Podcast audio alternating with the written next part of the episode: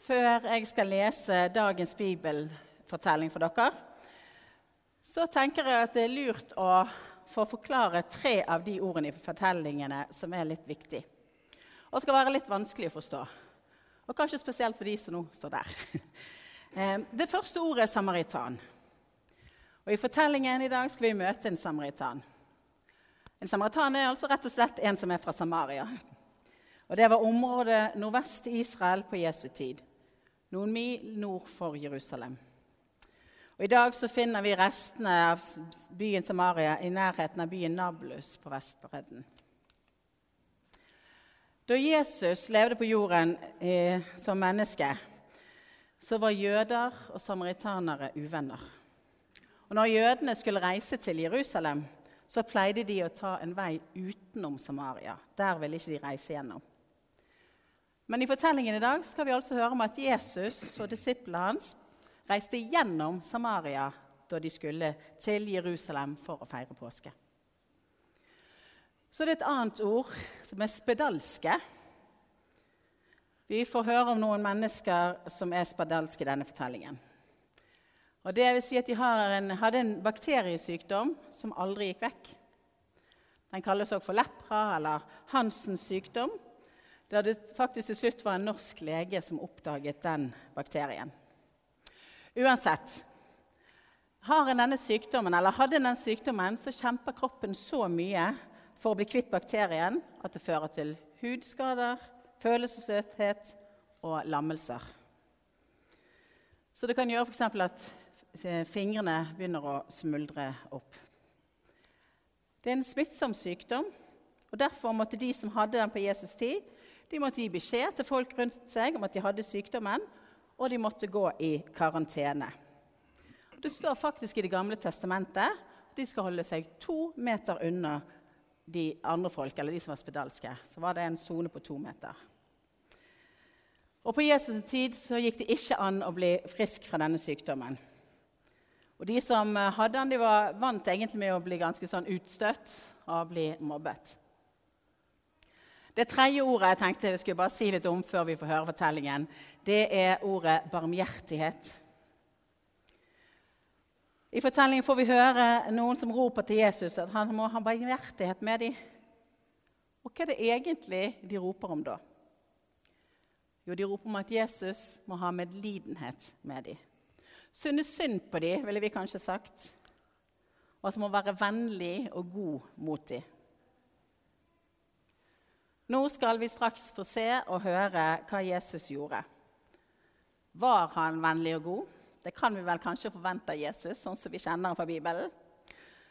Og hvis det svaret nå er ja, hvordan var Jesus god mot mot eh, de spedalske.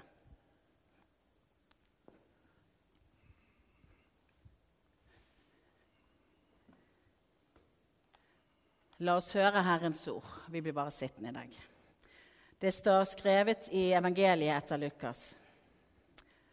På reisen til Jerusalem dro Jesus gjennom grenselandet mellom Samaria og Galilea. Da han var på vei, landsby, han kom på vei inn i en landsby, kom ti spedalske menn gående mot ham. De ble stående langt unna og ropte.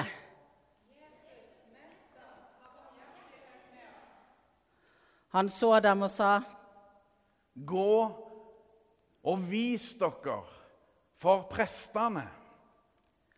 Og mens de var på vei dit, ble de rene. Men én av dem kom tilbake da han merket at han var blitt frisk. Han lovpriste Gud med høy røst, kastet seg ned for Jesu føtter med ansiktet mot jorden og takket ham. Denne mannen var en samaritan. Jesus sa, Blei ikke alle ti reine? Hvor er da de ni? Var det ingen andre enn denne fremmede som vendte tilbake for å gi Gud æren? Og han sa til ham, Reis deg og gå. Din tro har frelst deg.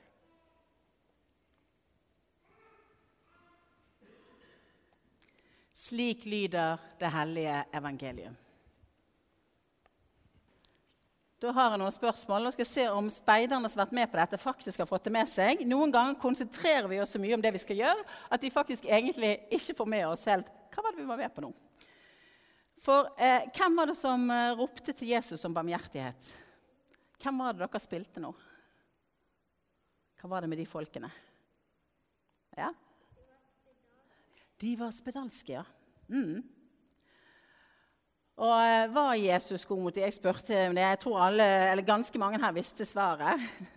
Men hva var det han gjorde for de spedalske? Hva var det som skjedde med dem?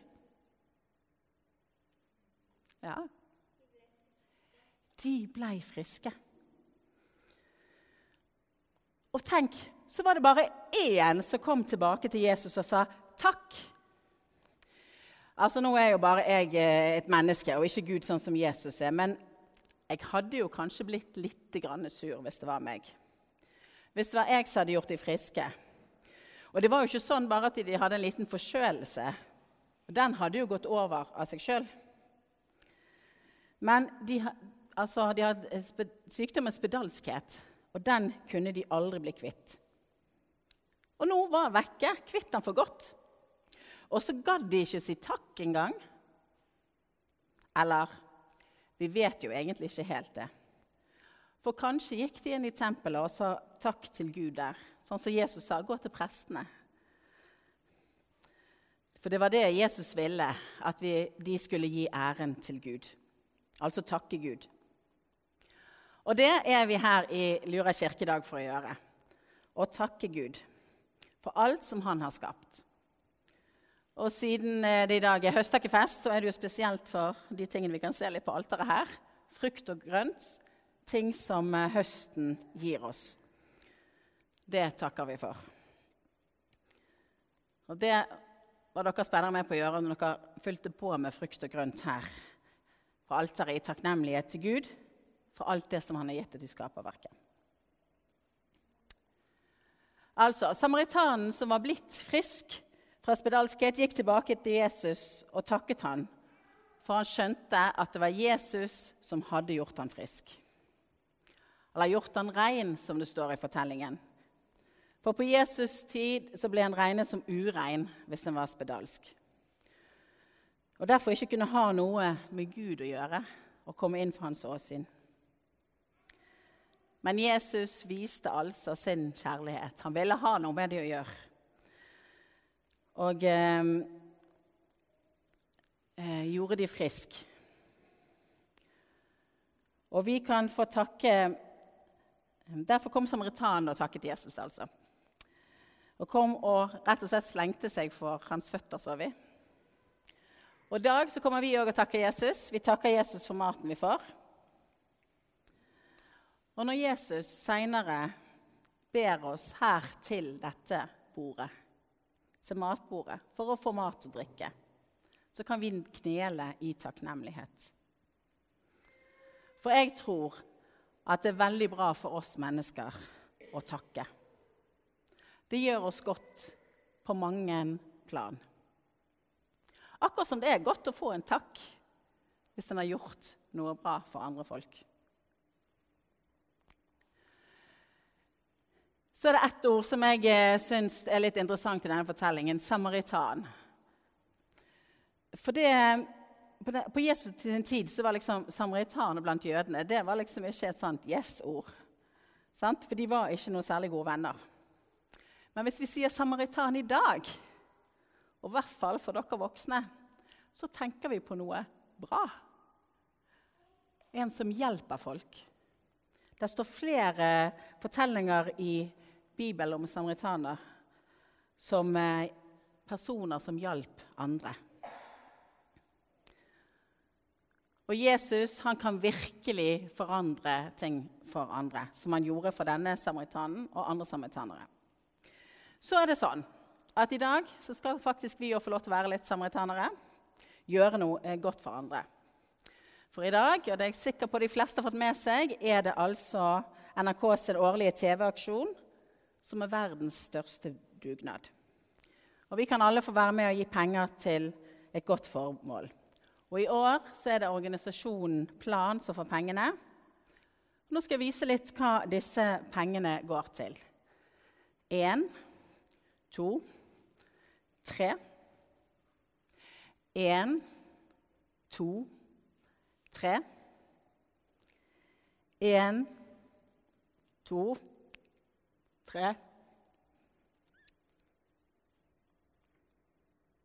For hvert tredje sekund blir en jente giftet bort et sted i verden. Så ser dere jeg blir litt berørt. De jentene som blir giftet bort, får ikke gå på skole. De mister retten til å bestemme over eget liv og egen kropp. Og de fraberøves muligheten til å nå sine drømmer, sine mål og skape en god fremtid. Barneekteskap bremser utvikling og opprettholder fattigdom. Og hva er det vel da bedre enn i dag, på FN-dagen 24. oktober, at vi får være med på å bekjempe dette? Dette er også nedfelt i Barnekonvensjonen til FN. Derfor skal altså TV-aksjonen i dag gå til å bekjempe barneekteskap. Vi skal få være med, være med, på at disse jentene her, eller de som de representerer, eh, som mest sannsynlig bor enten i Bangladesh, Nepal, Malawi, Mali eller Niger, kan få fortsette på skolen og slippe å gifte seg før de er ferdig på barneskolen. Sammen skal vi få gi jenter muligheten til å leve som barn og ta egne valg for fremtiden. Da kan dere få sette dere. Takk. Jesus endret folks liv, og gjennom oss kan han endre fleres liv på en positiv måte. Dette er det vi tror på.